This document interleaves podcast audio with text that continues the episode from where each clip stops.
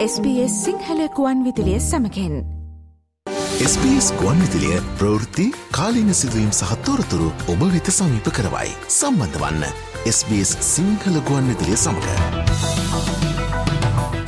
ශ්‍රී ලංකාවේ දේශපාලනය පිළිබඳව අවධානය යොමු කරමින් එහෙමනම් අද සඳත දවසේ අපි සුපුරුදු ලෙසින් ආරම්භ කරනවා සතියේ දේශපාලනික පුවත් විග්‍රහය. ලංකාවේ දේශපාලන ශේත්‍රයෙන් වාර්තා වන තොරතුරු මොනවද? ශ්‍රී ලංකාවේ සිට තොරතුරු වාර්තාකරණයට පුරුදු ලෙසින්ම සූදානමින් සිටිනවා මාධ්‍යවේදී මනෝජ් උදටියාවල. ආයුබෝවන් සුබෝදෑසනක් මනෝජ්.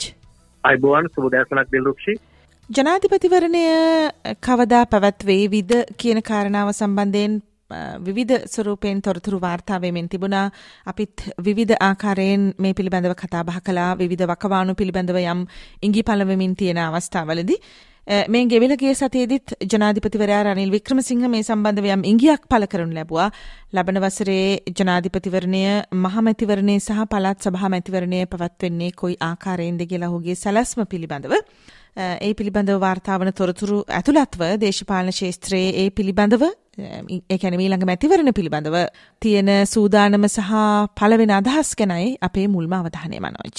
ඕදිලොක්ෂී අපි දැක්ක ගිය සිකුරාදා දවසේ යහපත් ශ්‍රී ලංකාවක් සඳහා සංඝ සංසදය වගේම ගෝලීය ද්‍රවිඩ සංවිධානයේ නියෝජිතයින් එක්ක ජනාධිපතිතුමා පවත්වපු සාකච්ඡාවකදී ලබන වසරේ ජනාධිපතිවරණය ඊට පස්සේ පාර්ලිමේන්තු මැතිවරණය ඊට පස්සේ පළාත් සභා මැතිවරණය පවත්වන්න සූදානම් බව සඳහන් වෙලා තිබුණා. ඒකත් එක්කම ශ්‍රී ලංකා පොදු ජන පෙරමුණ මේ වෙලාවේ ආණ්ඩු බලය ලබාගත ලබාගෙන ඉන්න දේශපාලන පක්ෂය නමුත් පෞගේ කාල වෙනස්කම් සිදු වුණා. ඔවුන්ගේ ඉදිරි ජනාධිපතිවරණ අපේක්ෂකයා කවුද කියන කාරණය සම්බන්ධයෙන් අවස්ථා කිහිපයකදී සාකච්ඡා වෙලා තියෙන බවක් වාර්තා වෙනවා. එක පැත්තකින් බැසිල් රාජපක්ෂ හිටපු ඇමතිවරයාද නැත්නම් නාමල් රාජපක්ෂ හිටපු තරුණ ඇමතිවරයාද එහෙම නැත්නම් යම් විදිහකට අනාගත දේශපාලන නායකත්වයක් වෙනුවෙන් ජාතික නායකත්වයක් වෙනුවෙන් යම් විදිහකට සූදානමක් තියෙනවා කියලා පෙනෙන ධම්මික පෙරේරා ප්‍රකට ව්‍යාපාරික වර්තමාන පාර්ලිමේන්තු මන්ත්‍රීවරයාද කියන එක සම්බන්ධයෙන් සාකච්ඡා තිබිලා තිබෙනවා. විවිධ අය විවිධ අදහස් පළ කරලා තිබෙනවා. තරුණ නායකත්වයක් සුදුසුයි කියන අදහස් එක කණ්ඩායමකට තියෙද්දි මහින්ද රාජපක්ෂ හිටපු ජනාධිපතිවරයාත් පහුගිය කාලේ සඳහන් කළා වගේ මෙවර ජනාධිපතිවරණයේදී රනිල් වික්‍රමසිංහ වර්තමාන ජනාධිපතිවරයාත් එක්කම මේ ගමන යනවාද කියන කාරණය විවිධ පැතිවලින් සාකච්ඡා වෙලා තියෙනවා කියලා වාර්තා වෙනවා. එතකොට එක කණ්ඩායමක් රනිල් වික්‍රමසිංහ ජනාධිපතිවරයා සමග ඉදිරි ජනාධිපතිවරණ කාලය ගමන් කිරීමත් වෙනස් අපේක්ෂකයෙකු විදිහට ධම්මික පෙරේරා මහත්මයාව ඉදිරිපත් කිරීමත් කලින් ඉඳලා බලාපොරොත්තු තිබුණා වගේ බැසිල් රාජපක්ෂ ඊට ප්‍රමතිවරව ඉදිරිපත් කිරීමත් අනාගතය පිළිබඳව හිතලා තරුණ නායකයෙකු විදිහට නාමල් රාජපක්ෂ තරුණ මන්ත්‍රීවරයාව හිටපු ඇමතිවරයාව පිළිබඳව සාකච්ඡා වීමත් මේ වන විට අහන්න ලැබෙන බව අභ්‍යන්තර ආරක්ෂි මාර්ග සඳහන් කරනවා. ඔව් ජනාධිපතිවරණය ඇතුළු මීළඟ මැතිවරණ කෙරෙහි තිබුණු ඒ ඉංගිය ජනාධිපතිවරයාගෙන් පළවනේ මේ විදිහට My idea is to hold elections for the presidency next year, as said in the constitution, followed by parliamentary elections and then followed by provincial council elections.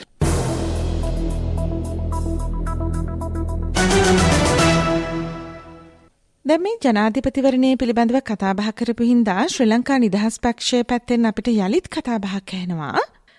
ජනාධිපතිවරණ අපේක්ෂකත්වය සම්බන්ධව ශ්‍රී ලංකා නිදහස් පක්ෂයේ පිරිස් අවස්ථා තුනකදී පසුගිය සතියේ හමු වෙලා තිබුණා. එතනදී මේ සාකච්ඡා නැවතත් ඇති වෙලා තිබුණා.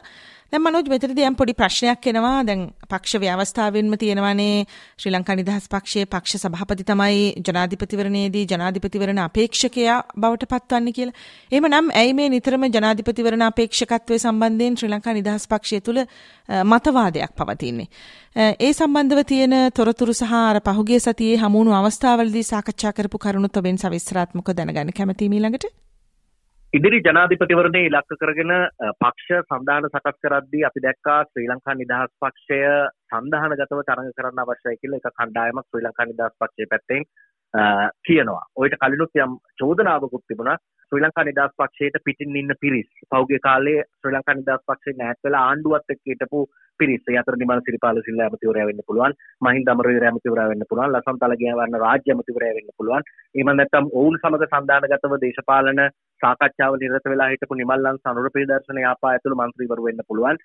ඔවුන් ශ්‍රී ලංකා නිදහස් පක්ෂයත් එක්ක ගිහිල්ලා සන්ධානයක් පිහිටුවන්න රාජ්‍යත් එක්ක එක්කාසු කටයුතු කරන්න සූදානමක් තියෙනවා කියලා යම් කතාබහක් තිබුණානේ. ඒ අතරේ පහුගිය සතියේ ශ්‍රී ලංකා නිදහස් පක්ෂයේ සංවිධායකවරු දිස්ත්‍රික් සංවිධායකවරු දිස්ත්‍රික් කළමනාකාරවරු මේ වගේ පක්ෂයේ විවිධ කණ්ඩායම් අවස්ථා කිහිපයකදී හම්බ වෙලා තියෙනවා සාකච්ඡා කරලා තියෙනවා එවැනි අවස්ථාවක කොළඹ දිස්ත්‍රික් ආසන සංවිධායකවරුන්ගේ හමුවට තිලංග සුමතිපාල හිටපු මන්ත්‍රීවරයක් සහභාගි වෙලා තියෙනවා මේ රැස්වීමට එතකොට මේ අවස්ථාවේදී විශේෂයෙන්ම කොළඹ දිස්ත්‍රික් සංවිධායකවරුන්ගේ හමුවේදී එක පිරිසක් යෝජනා කරලා තියෙනවා ඉදිරියේ පැවැත්වෙන ජනාධිපතිවරණයකදී ශ්‍රී ලංකා නිදහස් පක්ෂයේ ජනාධිපති අපේක්ෂකයා මෛත්‍රීපාල සිරිසේන හිටපු ජනාධිපතිවරයායි කියන කාරණය.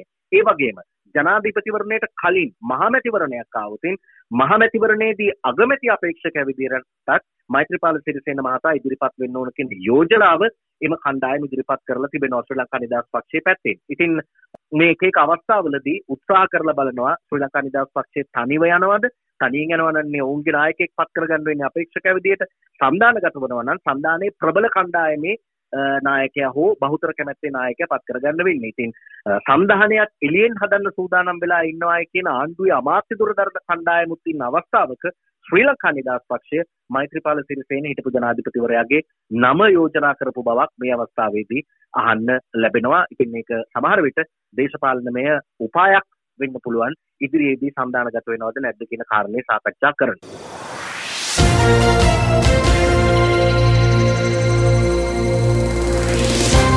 හොඳයි. පක්ෂවල අභ්‍යන්තරික කරුණු පිළිබඳව අපි මේ සාකච්ඡා කරමින් යන්නේ. මේ සතියේ මේ සතිය දේශපාලනික පුවත් විග්‍රහයෙන් මුලින්ම අපිට ජනාධිපතිවරණය හා සම්බන්ධව වන ඉඟි පිළිබඳව අපි කතා බහ කළා. ඊට පස්සේ ශ්‍රී ලංකා නිදහස් පක්ෂයේ ජනාධිපතිවරණය සම්බන්ධව වන අපේක්ෂකයා පිළිබඳව පක්ෂ අභ්‍යන්තර තත්විති කතා බහ කළා. ඊට පස්සේ අපි අවධානය යොමු කරනවා පොහොට්ටුව කෙරෙහි. පොහොට්ටුවේ මහා සම්මේලනය පවත්වන්නට නියමිතයි තවත් නොබෝ දිනකින්. එතනදිත් මේ සම්බන්ධව වන සාකච්ඡා මතවාද අදහස් ඉංගී මේ සියල්ලක්ම පළවීමේ ඉඩ කඩ තියෙනවා. මේ මහා සම්මේලනය පැවැත්වීම සම්බන්ධව පොහොට්ටුව ඇතුලේ තියෙන සූදානම කොහොමද? ඕ ලබන පහළොස්වනිදා ශ්‍රී ලංකා පොදුජන පෙරමුණේ හත්වෙනි සංවත්සරය කොළඹ සුගතදාස ක්‍රීඩාංගණයේ පවත්වන්න සියලු කටයුතු සැලසුම් වෙමින් තිබෙනවා. මෙවැනි සංවත්සරයක් කාලයකට පස්සේ පවත්වන්න හේතුවත් ඉදිරියේදී ජනාධිපතිවරණයක් සහ මාමැතිවරණයක් සූදානම් වීම කියන කාරණයක් ඇතමුන් මතු කරනවා. එතකොට මේ වෙනකොටත් වාර්තා වෙන ආකාරයට පොදු ජන පෙරමුණේ තනතුරු කිහිපයක් වෙනුවෙන් අලුතෙන් සමාජිකයන් පත් කරගන්නත් මේ සමුළුවේදී උත්සාහයක් තියෙනවා කියලා සඳහන් වෙනවා. නායකත්වය සහ ලේකම් දුරය හැර අනෙක් තනතුරු සඳහා පුද්ගලයින් පත් කරගනීවි කියන අදහසකුත් තියෙනවා. එතකොට ඒකට හිටපු සමාජිකයන් පත් වෙන්නත් පුළුවන්, අලුත් සමාජිකයන් පත් වෙන්නත් පුළුවන්. ඉතින් මේ ආකාරයෙන් සමාජිකයන් පත් කර ගැනීමේ සූදානමක් පිළිබඳව වාර්තා වෙනවා කාලයකට පස්සේ හත්වෙනි සංවත්සරය සුගතදාස ක්‍රීඩාංගණය වගේ තැනක පවත්වන්න සූදානම් කරලා තියෙන වෙලාවක ලබන 15 වෙනිදා තමයි මේ සඳහා දින නියම කරගෙන තියෙන්නේ. හොඳයි අපි එහෙමනම් අපගේ මීළඟ විරාමයට යනවා විරාමෙන් පස්සේ ලාංකීය දේශපාලනයේ තවත් අතවිති කතා බහ කරන්න අපි යලිත් හමුවෙමු. SBS ගුවන්විදුලිය ප්‍රවෘත්ති කාලීන සිදුවීම් සහ තොරතුරු ඔබ වෙත සමීප කරවයි. සම්බන්ධ වන්න SBS සිංහල ගුවන්විදුලිය සමඟ. අපිට පසුගිය කාලවකවානුවේදී ශ්‍රී ලංකා පාර්ලිමේන්තුවේ මේ විවිධ මතවාද අතරට එකතුුණු තවත් කාරණාවක් තමයි විපක්ෂනායකවරයා ඕනුවට වඩා කාලය ලබා ගැනීම ඒ හරහා අනිත් අයට තියෙන කතා කිරීමට අදහස් ප්‍රකාශ කිරීමට තියෙන කාලය මදවීම කියන ප්‍රශ්නය මීට කල්ලුත් මේ පිළිබඳව කතා බහ කළා. හැබැයි මේ ගෙවිලගේ සතියේ එක්තරා මන්ත්‍රීවරයෙකුගේ දැඩි විරෝධයක් මේ සම්බන්ධව මතුවෙනවා. අපි දැක්කා තියෙන්නේ පැත්තෙන්. එතනදී ඇතිවුණු ආරවුල සහ ඔහු ඉදිරිපත් කරපු චෝදනා මොනවද කියලා මේ TNA මන්ත්‍රීවරයා. ඒ පිළිබඳවත් මේ විපක්ෂ නායකවරයා දීර්ඝ වශයෙන් කාලය ලබා ගැනීම පිළිබඳව TNA විතරක් නෙමෙයි බොහෝ පක්ෂවලින් විරෝධයක් තියෙනවා. ඒ පිළිබඳව පාර්ලිමේන්තුවේ නැහෙන කතා කෙරෙහි මීළඟ අවධානය. මනෝජ් මොනවද වාර්තා වෙන්නේ? අපි දැක්කා විපක්ෂයේ කතා කාලයේ සීමා වීම සම්බන්ධයෙන් යම් විදිහට අදහස් පළ වෙනවා. ඇතැම් මන්ත්‍රීවරුන්ට ලබා දීලා තිබුණු කාලය අඩු වුණා.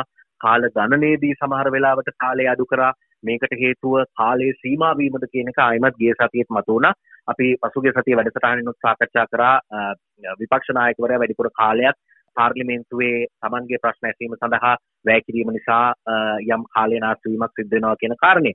ඒ අතර තමයි මේ චාල්ස් නිර්මලනාදන් මන්ත්‍රීවරයාගේ චෝදනාව ආයිමත් මතුවෙන්නේ. ඔහු පහුගිය බදාදා පාර්ලිමේන්තුවේ ජනාධිපති කාර්යාලයටත් ඇවිල්ලා මේ ඔහුගේ පැමිණිල්ලක් ඉදිරිපත් කරන්න සූදානම් වෙලා තිබුණා. ඒකට හේතුව තමයි විපක්ෂයෙන් කතා කරන්න ලබා දෙන කාලය සීමා කිරීම. ඒ වගේම කතක ලැයිස්තුවල Tamanට හිමි ස්ථානය ලබා නොදීම කියන කාරණය ජනාධිපතිවරයා අවස්ථාවේ හිටපු නැති නිසා ආශු මාරසිංහ එතුමාගේ උපදේශකවරයාට මේ පිළිබඳව සාකච්ඡා කරලා තියෙනවා ආශු මාරසිංහ ජනාධිපති උපදේශකතුමත් එක්ක කොමුණත් එදා දවසෙත් විපක්ෂ කතික ලැයිස්තුවේ දෙවැනි කතිකයා විදිහට විපක්ෂ නායක කාර්යාලයේ චාල්ස් නිර්මලනාදන් මන්ත්‍රීවරයාව නම් කරලා තියෙනවා. නමුත් ඒ අවස්ථාව ඔහුට දෙන්නේ නැතුව වෙනත් මන්ත්‍රීවරයෙකුට දීලා තමන්ගේ කතාව ප්‍රමාද කිරීම නිසා ටිකක් කලබලයට පත් වෙලා කෝපයට පත් වෙලා තමයි ඔහු විපක්ෂ නායකවරයා ළඟට ගිහිල්ලත් බැන වැදිලා තියෙන්නේ අවසානයේ ඔහු පාර්ලිමේන්තු කාර්ය මණ්ඩලයත් එක්කත් ටිකක් බහින්බත් වෙලා ටිකක් වැඩිපුර කෝපයෙන් හිටියා කියලා වාර්තා වෙනවා. කොහොමනත් අවසානයේ ඔහු කණ්ඩායම් වලට බැනවදිමින් පාර්ලිමේන්තුවෙන් ඉවතට ගිහිල්ලා තියෙනවා. ඊට පස්සේ තමයි මේ තත්ත්වය ටිකක් සමනයකට සමනය වෙලා තියෙන්නේ. මේකට හේතුව පාර්ලිමේන්තුවේ විපක්ෂ කතා කාලය සීමා වීම කියන කාරණේ. ඒක සමහරු ඉවසනවා සමහරු ඉවසන්නේ නැහැ. නොයිවසන අවස්ථාවක් සභාවක් පිළිබඳව සිදුවුණු සිද්ධියක් තමයි මේ චාල්ස් නිර්මල්නාදන් මන්ත්‍රීවරයා මතු කරලා තිබුණේ.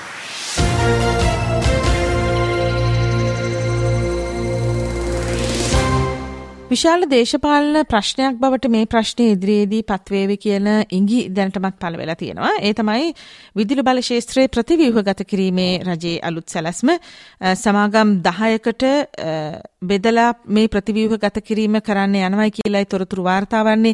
මේ ඉදිරිපත් කරන්නට යන පනතේ දෝෂ සහගත තත්ත්ව පිළිබඳව දැඩි විවේචන පාර්ලිමේන්තුව තුළ ඇති වෙලා තිබුණා.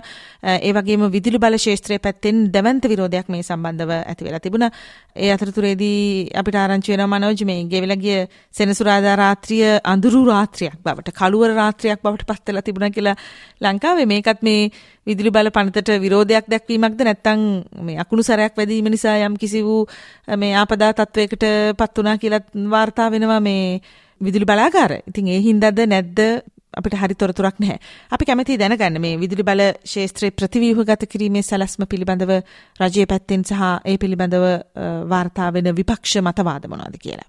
සෙනසුරාදා පැය පහක විතර කාලයක් බොහෝ ප්‍රදේශ අඳුරේ හිටියේ ලංකාවටම විදුලිය බිඳ වැටුණා. නමුත් ඒක පනතට අදාළව සිදුවුණු කාරණයක් නෙවෙයි කියලා තමයි දැනට වාර්තා වෙන්නේ. කොහොමනත් විදුලි බල හා බලශක්ති අමාත්‍යවරයා විදියට කංචන විජේසේකර ඇමතිවරයා විදුලි බල පනත් කෙටුම්පත සම්බන්ධයෙන් පාර්ලිමේන්තුවට අදහස් අරගෙන ඉදිරිපත් කරන්න යම් විදිහකට කාලය ගන්නවා නම් මෙච්චර කාලයක් ගත්තු අපි තව මාසයක් විතර අරගෙන හරි පහුවෙලා හරි මේක අරගෙනමු කියලා ඇමතිවරයා පාර්ලිමේන්තුවේදී යෝජනා කරා. ඒකට හේතුව තමයි මේ ගෙනාපු කෙටුම්පතේ වචන ඒ කියන්නේ පරිවර්තනය කිරීමේදී පවා වැරදි සිදු වී තිබීම එතකොට නිසි ලෙස මේ මුද්‍රණය වෙලා නොතිබීම මෙවැනි කාරණා පාර්ලිමේන්තුවේදී මතු වුණා. එතකොට තමයි කංචන විජේසේකර ඇමතිවරයා කිව්වේ අපි මාස 12ක් 13ක් බලන් හිටපු එක තව මාසයක් බලන් ඉන්න බැරි නෑ. ඒ හින්දා අපි කල් අරගෙන පාර්ලිමේන්තුවට දාමු කියලා මේ පනත ඔහු එහෙම පාර්ලිමේන්තුවට ඉදිරිපත් කළා. නමුත් අර ඔබ කිව්වා වගේ ආයතන 10කට විතර මේ සම්බන්ධයෙන් කරුණු බෙදා දෙන්න සූදානම් වෙනවා කියලා වාර්තා වෙනවා.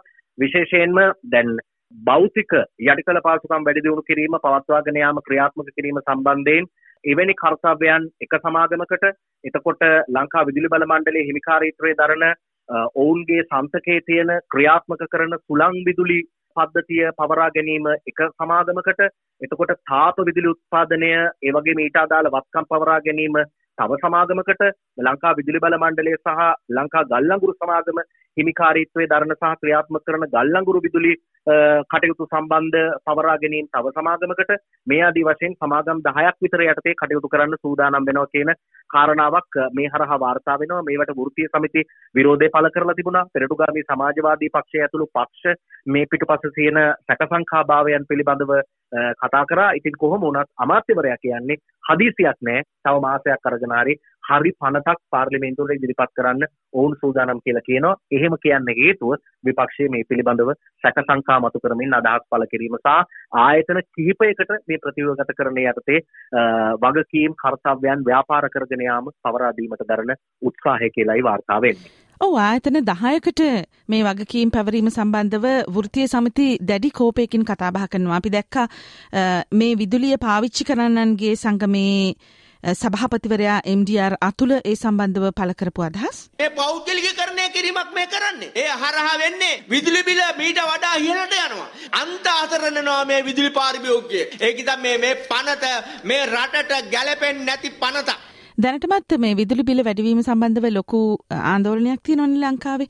ඒ අතරතුරේදී මේ ආයතන 10කට මේ විදිහට වගකීම් පැවරීම සම්බන්ධව දැඩි විරෝධයක් පැවතීම තවදුරටත් සනාත වුණා විදුලිය පාවිච්චි කරන්නන්ගේ සංගමයේ ලේකම්වරයා සංජීව ධම්මික පළ කරපු අදහස් එම අවස්ථාවේදී ඒ පෞද්ගලිකකරණය කිරීමක් මේ කරන්නේ. ඒ හරහා වෙන්නේ විදුලි බිල මීට වඩා ඉහළට යනවා. අන්ත අසරණනවා මේ විදුලි පාරිභෝගිකය. ඒක ඉතින් මේ මේ පනත මේ රටට ගැලපෙන්නේ නැති පනතක්.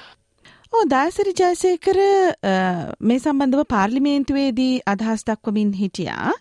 ඔහු මේ පනතේ යම් දෝෂ සහගත තත්ව පිළිබඳවත් තොරතුරු හිල්දරව් කිරීමක් කළා. විදුලි බල පනත පස්වනිදා ගැසට් පත්‍රය තමයි මේක දාලා තියෙන්නේ. හැබැයි පස්වනිදා කරු නියෝජක කතානායකතුමනි මෙවැනි ගැසට් පත්‍රයක් මුද්‍රණය වෙලා නැහැ. අද පාන්දර මේ ගැසට් පත්‍රය පළවෙනි. ඒක ඊළඟ තියෙන ප්‍රශ්නේ තමයි දින 7ක් ඇතුළත මේක ඉදිරිපත් කරන්න ඕනේ පාර්ලිමේන්තුව. ඒ දින ටික ගත්තම 12 වෙනිදා තමයි ඉදිරිපත් කරන අවසාන දිනේ 12 වෙනිදා ඉඳලා දින 14ක් ඇතුළත තමයි නඩු පවරන්න තියෙන්නේ. 28 වෙනකොට උසාවි නිවාඩු දීලා මේ රටේ කෝටි ප්‍රකෝටි කෝටි ගන්නක් වංචාවන් සිද්ධච්ච ස්ථානයක් මේක. ඒකින්ද මේක තවත් ඩීල් එකක්ද කියන ප්‍රශ්නේ අපිට තියෙන. ඔව් හර්ෂද සිල්වා පාර්ලිමේන්තු මන්ත්‍රීවරයා මේ මේ පනතේ තියෙන එක්තරා හාපුරු දෝෂයක් පිළිබඳව තොරතුරු හෙළිදරව් කරමින් පාර්ලිමේන්තුවේදී කතා බහ කළා. ඒට එකතු වුණ අනුර කුමාර දිසානායක සහ දායසිරි ජයසේකර. බලන්න හයවෙනි පිටේ පහත දැක්වෙන K is FYDA HI IDR KD IKOF IH මේ සිංහල එකේ ඉංග්‍රීසි වචන තියෙනවා. මේ සිංහල භාෂාවේ ඇතුලේ බලන්න පෙරලලා 6 වෙනි පිටේ මොනවද ඉංග්‍රීසියෙන් තේරෙන්නේ නැති දේවල් තියෙනවා. ඒ නිසා නැවතත් මේ කැසට් එක ගහන්න. සිංහල භාෂාවෙන් ගහලා ඒ අලුත් දිනේට මේක ඉදිරිපත් කරන්න. කැසට් එකක් අනිවාර්යෙන් භාෂා තුනෙන් ඉන්න ඕන. හරිම වචන හොයා ගන්නවා වෙනුවට ඉංග්‍රීසි භාෂාවේ පුරුදු වචන පාවිච්චි කරන මේක තියෙනවා. මේ 6 වෙනි පිටුවේ තියෙන බහත දැක් කියලා ගහලා එතනින් පස්සේ ඒ අකුරු ලංකාවේ තියෙන අකුරු නෙමෙයි කරු නියෝජක කතානායකතුමා. මෙහෙම කඩිමුඩිය ගැසට් ගහලා මේ මොකද්ද මේ රටට කරන්න හදන විනාශය? පෙරටුගාමී සමාජවාදී පක්ෂයේ පුබුදු ජාගුඩත් ඒ සම්බන්ධව අදහස් පළ කිරීමක් කළා මේ විදිහට. විදුලි බල මණ්ඩලය කෑලි ගණනාවකට කඩන. මේකේ ගාස්තු ක්‍රමය තමයි නරකම විදිහට තියෙන්නේ. විදුලි බිලට මෙන්න මේ බදු ටික ඔක්කොම ඇතුල් වෙනවා. විදුලි බල ජනනය කරන සමාගමේ ලාභයයි විදුලි බල ජනනය සඳහා අය කරනු ලබන රජයේ බද්දයි. විදුලි සම්ප්‍රේෂණය සඳහා ඒ සමාගමේ ලාභයයි ඒ සමාගමෙන් රජය විසින් අය කරනු ලබන බද්දයි. ඊට අමතරව මේකට එකතු වෙනවා විදුලි බල ජනනයේ සම්ප්‍රේෂණය සහ බෙදා හැරීමේ සමස්ත වියදම. ඊට ඊටත් අමතරව විදුලි බල පාරිභෝගිකයන්ට වෙනම පරිශීලක බද්දකුත් ගෙවන්න තියෙනවා. ඔය ටික ඔක්කොම එකතු වුණාට පස්සේ තමයි විදුලි ගාස්තුව තීරණය කරන්නේ. ඒතකොට දැන් 100%කින් විදුලි බිල වැඩි කරලා ජනතාව කබලෙන් ලිපට වැටලා තියෙද්දි. ඒතකොට මේක ආවට පස්සේ මොනවයි මොනව වෙයි? මේ වංචනික පනත් කෙටුම්පත මුළුමනින්ම පරාජයට පත් කළ යුතුයි.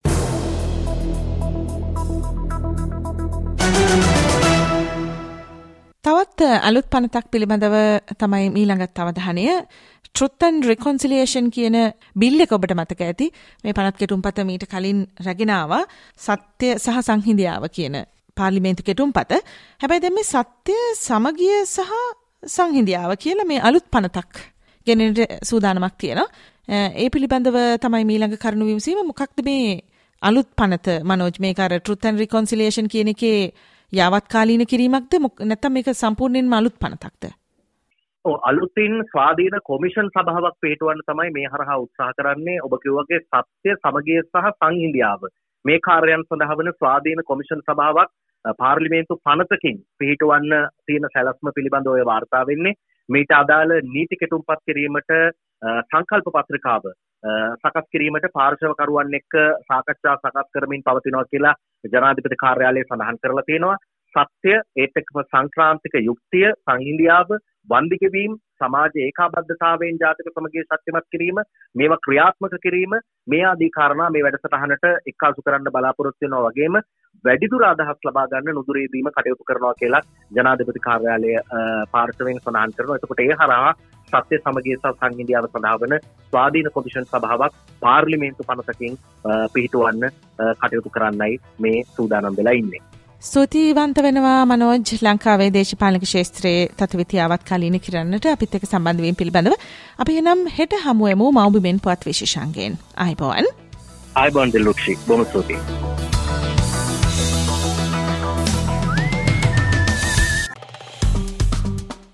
ලයි කරන්න ෂයා කරන්න අදහස් ප්‍රකාශ කරන්න. SBS සිංහල ෆස්බුක් පිටුව ෆලෝ කරන්න.